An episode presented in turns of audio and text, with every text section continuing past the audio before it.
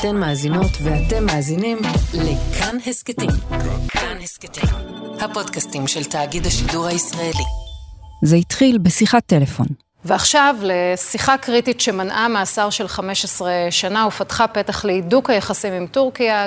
אי שם בחודש נובמבר, בני הזוג נטלי ומורדי אוקנין נסעו לחופשה בטורקיה. אלא שבמקום מלון מפנק וחמם טורקי, הם מצאו את עצמם במעצר ובכותרות החדשות. שמונה ימים ארוכים עברו בניסיון לפתור את המשבר ולהחזיר אותם לארץ, כשלא לגמרי ברור מה מבקש הנשיא הטורקי לעשות בשני נהגי אגד שהוא תפס ברשותו. ואז הגיע הטלפון. כן, אה, מיכל אומר לנו גורם בכיר, ארדואן פשוט פתר את הבעיה הזאת באופן אישי, ומבחינתנו וגם מבחינתו, זה סימן לדף חדש או לניסיון ליצור אווירה חדשה ביחסים בין המדינות. אחרי הטלפון הזה הגיע טלפון נוסף, הפעם עם הזמנה. הנשיא הטורקי הזמין את מקבילו הישראלי לביקור. אחרי יותר מורדות מעליות ביחסים בין המדינות, אחרי שהשגרירים משני הצדדים הוחזרו, ואחרי שנים של רטוריקה עוינת מצד ארדואן, פתאום פניית פרסה. אבל למה דווקא עכשיו?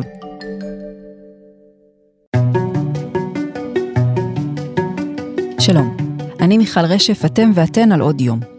נשיא טורקיה ארדואן צפוי להיפגש בקרוב עם הנשיא יצחק הרצוג בפגישה שכמוה לא הייתה כבר שנים. אז מה רוצה ארדואן? ומה רוצים בישראל? והאם פגישה כזו יכולה לסמן שינוי כיוון ביחסים עם חברתנו לשעבר? שוחחתי עם שניים, עמיחי שטיין, הכתב המדיני כאן, ודוקטור חי איתן כהן ינורוג'ק, מומחה לטורקיה, מכון ירושלים לאסטרטגיה ולביטחון ומרכז משה דיין באוניברסיטת תל אביב. נתחיל עם עמיחי. עמיחי, שלום. שלום. מה אנחנו יודעים על הפגישה הצפויה בין הרצוג לארדואן? אנחנו יודעים שבעיקר אה, ארדואן הוא זה שמנסה לשווק אותה בשבועות האחרונים. אנחנו יודעים שבישראל שותקים, לא מתייחסים לעניין הזה. אה, חוץ מזה אמירה מובלעת בהודעה על שיחת טלפון בין ארדואן לבין הרצוג על כך שהם מדברים על כך שייפגשו בקרוב, אבל את יודעת מנסים להקטין ציפיות כדי שהאכזבה לא תהיה גדולה ובסופו של דבר שאם הפגישה הזאת עלולה להתחיל משהו חדש שעלול להסתיים עוד פעם רק כמו פעם הקודמת אז פשוט שלא יתאכזבו יותר מדי. בעצם היחסים בין שתי המדינות לא תמיד היו כל כך uh, קרים. מתי הם מתחילים? היחסים מתחילים ב-1950, טורקיה מתחילה ביחסים דיפלומטיים עם ישראל, וישראל מאוד רוצה את זה, כי בן גוריון בחזון שלו, הוא רואה את עצמו מוקף במדינות ערביות שעוינות לישראל, והוא אומר, אני רוצה מעגל שני. בסוף בן גוריון מחפש, שהוא מסתכל על המפה, את אותן מדינות שהן לא ערביות, כי אנחנו יודעים מה מערכת היחסים של ישראל ומדינות ערב בשנות החמישים, כמו טורקיה, כמו איראן, כמו אתיופיה, כמו הכורדים, אותם אה, כורדים שפזורים ברחבי המזרח התיכון, ועם זה בן גוריון רוצה לבנות את הברית שישראל תוכל ללכת איתה להמשך. איכשהו לשרוד במזרח התיכון המאתגר הזה, גם כשכל השכנים שלך עוינים אותך. ואיך נראים היחסים האלה לאורך השנים? מערכת היחסים בין ישראל לטורקיה זה עליות ומורדות, יש תקופות שהם פורחים, יש תקופות שהמערכת היחסים מאוד סולידית, וזה מתחיל מ-1950, קצת פורח, קצת משברים, עד שאנחנו מגיעים לשנות התשעים. ובשנות התשעים יש פריחה מדהימה ביחסי שתי המדינות, גם מבחינה צבאית, זה אירוע שאנחנו לא יכולים לדמיין היום, אבל ישראל וטורקיה עשו תרגילים משותפים, גם תרגילים אוויריים, גם תרגילים ימיים, בין אה, מערכות הביטחון היה קשר מאוד הדוק. כי מה קורה שם באותם שנים? כי טורקיה רוצה להפוך לאימפריה של האזור, היא רוצה גם את הנשק של מערכת הביטחון הישראלית. יש כל מיני עסקאות שבסוף אולי לא יצאו לפועל, אבל טורקיה מביעה עניין בכל מיני מערכות נשק. ובסוף גם לישראל יש פה עניין בבעלת ברית שנחשבת מאוד חזקה במזרח התיכון, היא רוצה את הקשר ההדוק והטוב איתה, ולכן לשני הצדדים הסיפור הזה השתלם ונהדר, וגם טורקיה בשנות התשעים היא טורקיה יותר חילונית ממה שאנחנו מכירים אותה היום. לצבא יש תפקיד מאוד מרכזי בשאלת המדינה, בשאלה לאן היא הולכת, ולכן בין ישראל לבין טורקיה בשנות התשעים מתחילה פריחה מדהימה במערכת היחסים. מתי ארדואן נכנס לתמונה? ארדואן נכנס ב-2002.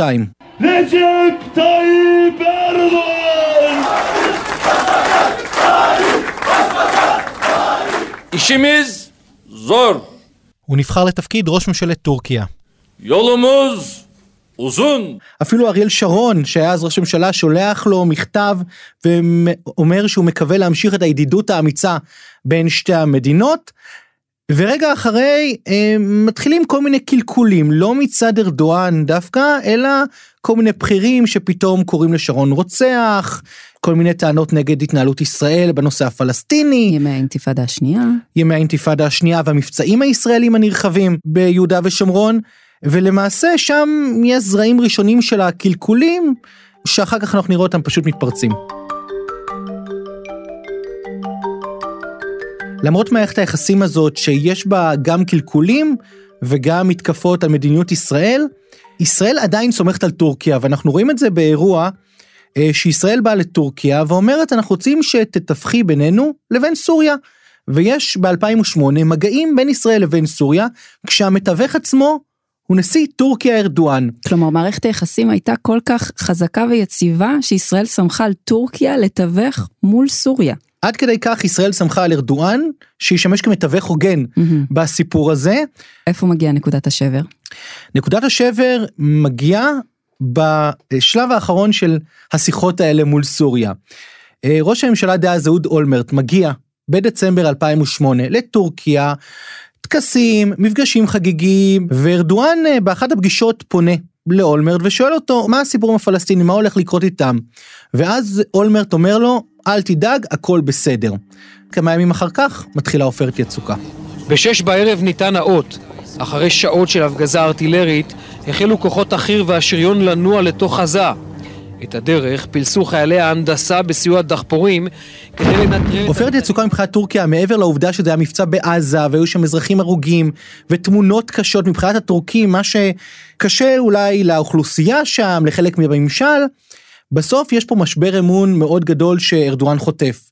כי הוא אומר, אני שמחתי על אולמרט שהוא אומר לי הכל יהיה בסדר, וככה הוא בוגד בי לכאורה, והולך למבצע כזה מקיף ברצועת עזה, ואנחנו רואים חודש אחר כך אירוע ששודר בכל העולם, בכנס בדבוס יושבים נשיא טורקיה, ארדואן, והנשיא הישראלי שמעון פרס, ופשוט באמצע הפאנל האירוע מתפוצץ.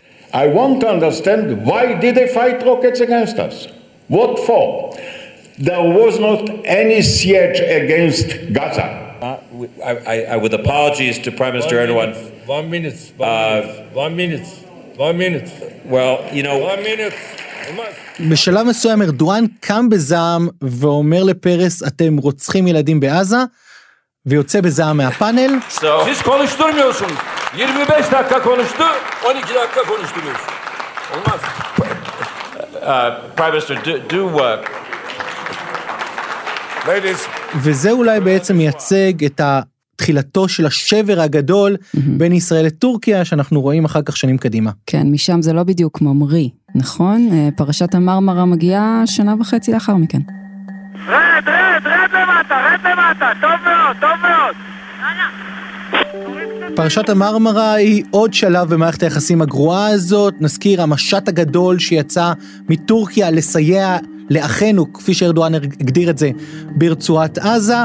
השייטת משתלטת על המשט, אבל במחיר של תשעה הרוגים אזרחים טורקים שניסו אה, לתקוף את חיילי צה"ל. וואי, זרקו שם לוחם. העיפו אותו. איפה? וואי, הם מכלים אותם במכות. את מי? את הלוחמים על הגג. מבחינת הטורקים זה חד משמעי אירוע שהם אומרים אתם רצחתם לנו את האזרחים שלנו ולמעשה אי אפשר להחזיר את היחסים אחורה מאותה נקודה. כלומר תיירים ישראלים ממשיכים לנסוע לטורקיה המסחר ממשיך כרגיל אבל מבחינת מערכת היחסים הצבאית ומערכת היחסים הבין אישית זה ממש ממש לא קיים. עוד אירוע שקורה באותה שנה זה כשסדרה בעלת גוון אנטישמי משודרת בטלוויזיה הממלכתית הטורקית.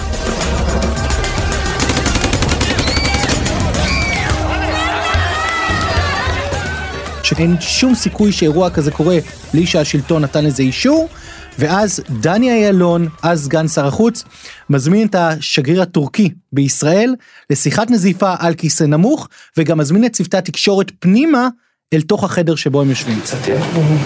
מה פתאום? זה כל הקטע, אתה לא הבנת את הקטע? העיקר שיראו שהוא נמוך, אנחנו גבוה ויש פה דגל אחד. והתמונה הזאת מופצת בכל העולם והיא השפלה לשגריר הטורקי, לא פחות. זה השפלה, ודני אילון, את יכולה לשמוע אותו אומר, תצלמו את הגיסה הנמוך שעליו השגריר יושב. אחרי המשבר הזה, היו ניסיונות לשפר את המצב. היו כל מיני גורמים שניסו להשלים בין ישראל לטורקיה, הגורם המרכזי בהם היה נשיא הברית ברק אובמה שהגיע לישראל ב-2013. ובשדה התעופה, בהמראה שלו חזרה לארצות הברית, הוא ונתניהו נכנסים לאיזה קרון צדדי, ואז אובמה מרים טלפון לארדואן, ותוקע את השפורפרת לאוזנו של נתניהו, ולמעשה נתניהו צריך להגיד סליחה על המרמרה. כי אובמה פשוט לא מוותר לו, נתניהו אגב התלבט לא מעט מה לעשות לקראת האירוע הזה, ולמעשה לנתניהו לא הייתה ברירה, הוא נאלץ להתנצל בפני ארדואן ולהגיד שישראל תפצה את טורקיה על האזרחים שנהרגו. וזה לא ממש מחזיר את היחסים לקדמותם. זה לא מחזיר את היחסים לקדמותם, ממשיכים המתקפות וההתבטאויות, אל תשכחי שיש לך באמצע גם את צוק איתן ברצועת עזה. וב-2016 יש איזה אירוע שנקרא מסיבת העיתונאים המשותפת של נתניהו ברומא וראש ממשלת טורקיה באנקרה, ושם הם מצהירים שהם מצאו את הפשרה. ישראל הגיעה להסכם אה, בעל חשיבות אסטרטגית למדינת ישראל, לביטחון, ליציבות האזורית, לכלכלת ישראל.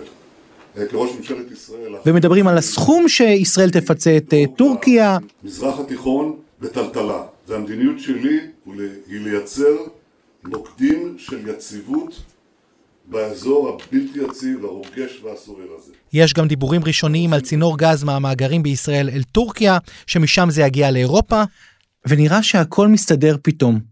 אבל אה, אז אה, מגיעה החלטה אמריקנית אחת, שמשנה שוב את מערכת היחסים. ערב טוב ושלום רב לכם. ביום החגיגי של חנוכת השגרירות האמריקנית בירושלים, עשרות הרוגים פלסטינים על גבול הרצועה, כשחמאס שולח המונים לפרוץ את הגדר. מאי 2018, השגרירות האמריקנית בירושלים אה, נחנכת בטקס חגיגי, שבעזה, מהומות על הגדר, זה מוביל לעוד שבר ביחסים. ארדואן באותו ערב מכנס מסיבת עיתונאים, ושם הוא מצהיר שהוא מחזיר את השגריר מישראל. יום למחרת אה, שגריר ישראל בטורקיה איתן נאה מקבל רמזים עבים שגם לא כדאי לארוז את הבגדים ולחזור חזרה לארץ, רק נגיד שגם הוא עובר מעין טקס השפלה בשדה התעופה, מזמינים צוותים לצלם את החיפוש בתיקים האישיים שלו, שלדיפלומט זה משהו שלא אמור לקרות. ומאותו רגע למעשה אין שגריר טורקי בארץ, ואין שגריר ישראלי בטורקיה, ואנחנו מתחילים מחדש את המסלול הזה של ארדואן תוקף את ישראל, נתניהו תוקף את ארדואן.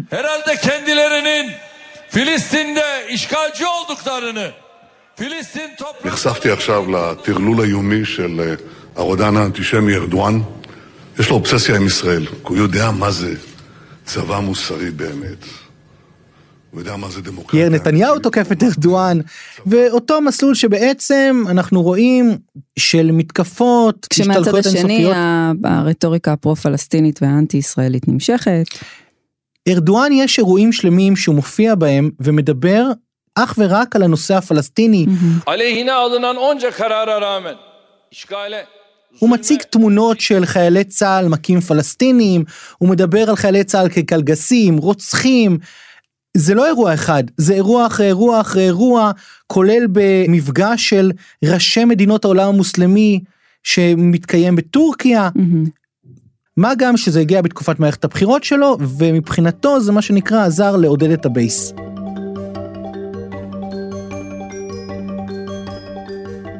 עמיחי, מה קורה בשנה האחרונה? ארדואן מתחיל לשלוח איתותים לעבר ישראל שהוא מעוניין ביחסים, הוא פתאום הוריד את רף ההתבטאויות נגד ישראל. הוא פתאום מתחיל לדבר על ישראל כמשהו שכדאי להיות איתו במערכת יחסים. אה, וזה מתחיל לו בתקופת ממשלת נתניהו.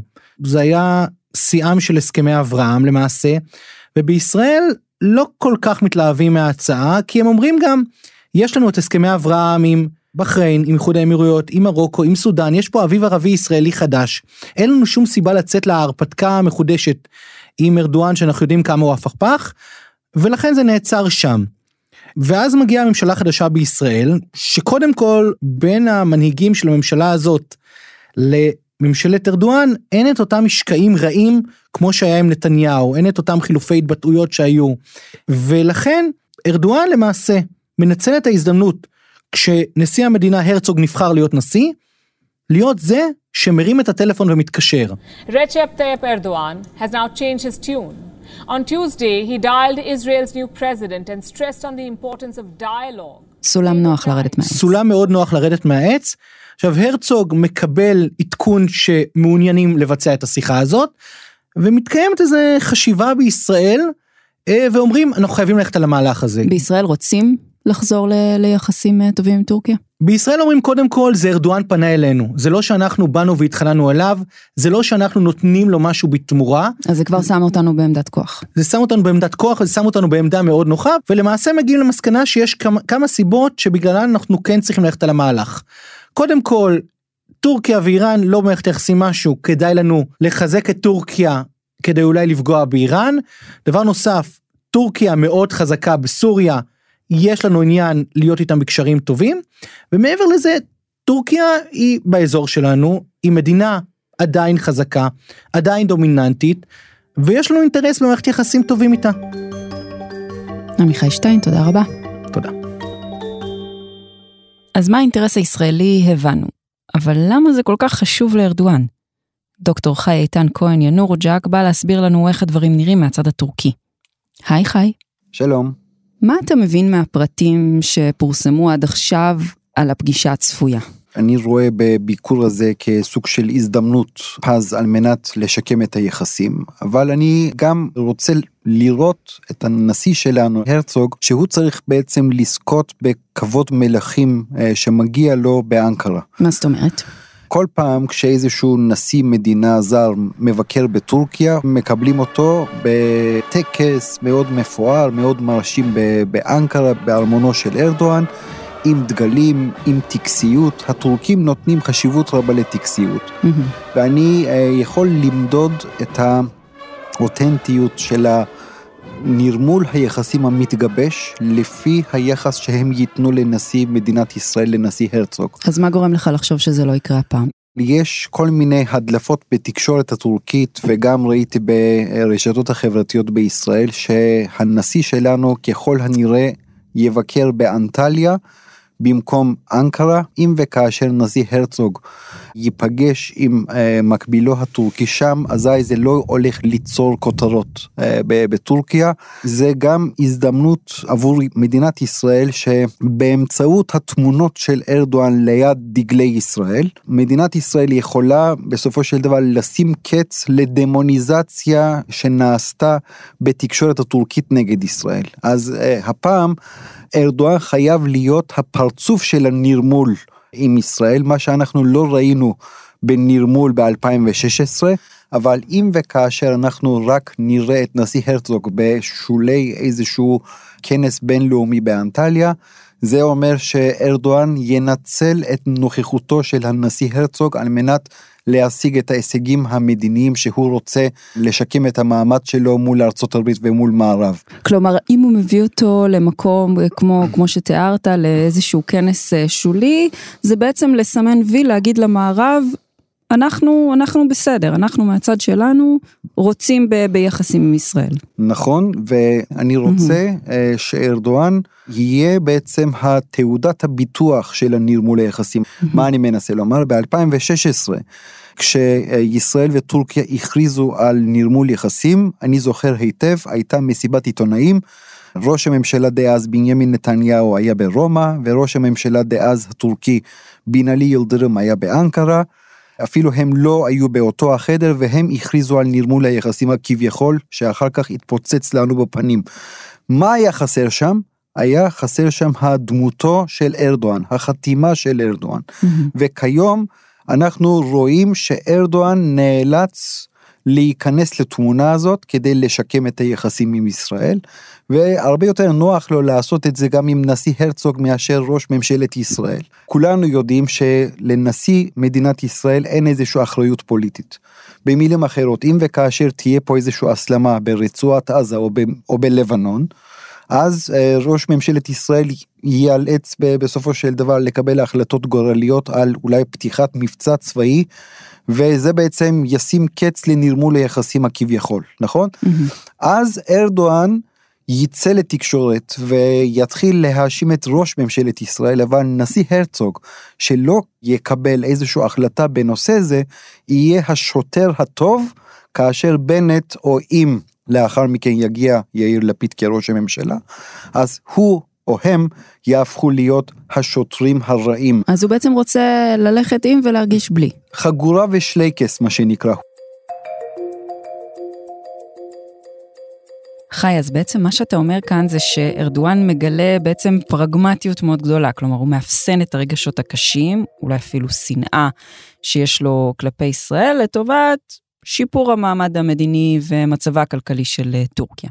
הוא לא הפך לחובב ציון, חייבים להבין. האיש אה, נאלץ לשקם את היחסים עם מדינת ישראל בגלל הפיחות של הלירה הטורקית, בגלל הלחץ אה, שמגיע מצד של איחוד האמירויות, מצד של ארצות הברית וכמובן האיחוד האירופי. אז כשאנחנו מסתכלים לכל ה... התופעה הזאת, mm-hmm. אנחנו רואים שארדואן פשוט רוצה את הלגיטימציה. המנהיג הטורקי, הנשיא הטורקי, רק לפני כארבעה ימים בערך, הכריז שהוא חולה קורונה. Mm-hmm. אה, וכאשר כל המנהיגים המערבים מתעלמים מההודעה הזאת, אפילו לא מרימים לו טלפון כדי להגיד לו תהיה בריא, והם לא מנצלים את האירוע הזה על מנת לשקם את היחסים. לא סופרים אותו, אתה אומר. אה, זה מאוד בעייתי בשביל ארדואן, ולכן זה מאוד חשוב עבור ארדואן. להצטלם עם גורם כזה מערבי כמו אה, נשיא מדינת ישראל, הוא רוצה לתרגם את זה כהשקעה זרה. מאז ניסיון ההפיכה הכושל, כמובן בגלל המדיניות החוץ הלעומתית של טורקיה כלפי המערב, אנחנו רואים ההשקעה הזרה המערבית בורחת מטורקיה וארדואן שהוא כל כך זקוק לכסף, זה בסופו של דבר הגיד האקילס של ארדואן, הכלכלה. זה בעצם הפך אותו לשליט בלתי אה, מעורר של טורקיה, השגשוג הכלכלי, ונכון ועכשיו להיום... ועכשיו הוא בשפל. אכן, וזה בעצם הנקודת החולשה שלו. אז דיברנו על הפרגמטיות העכשווית של ארדואן, אבל זה ממש לא היה ככה כל הזמן, אפילו להפך, טורקיה למעשה הקריבה את המעמד המדיני שלה כדי לקדם ערכים איסלאמיסטיים שהם בבסיס המצע הפוליטי של ארדואן, נכון? תן לנו דוגמאות איך טורקיה למעשה בודדה את עצמה?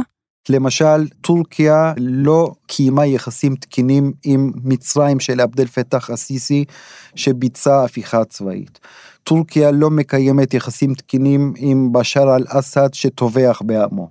טורקיה לא מקיימת יחסים תקינים עם מדינת ישראל מזווית ראייתה כל שני וחמישי תוקפת ברצועת עזה. אז מקבלי ההחלטות הטורקים אמרו אנחנו חייבים לתת דין וחשבון לנכדים שלנו, ההיסטוריה תשפוט. ולכן אנחנו חייבים להקריב את האינטרסים המיידיים שלנו למען הערכים האסלאמיים. אבל אז ארדואן נאלץ לעשות פניית פרסה, נכון? הפוליטיקה של היחסים הבינלאומיים פשוט דורשת מטורקיה אה, לחשב את מסלול מחדש. Mm-hmm. ומן הסתם לאמץ את גישה הריאליסטית ולהתמקד אך ורק לאינטרסים המיידיים. כתוצאה מכך, נכון להיום אנחנו רואים שטורקיה עושה פרסה ומתרחקת מתפיסת העולם הזאת שלא כל כך ניתן ליישם אותה במזרח התיכון של ימינו.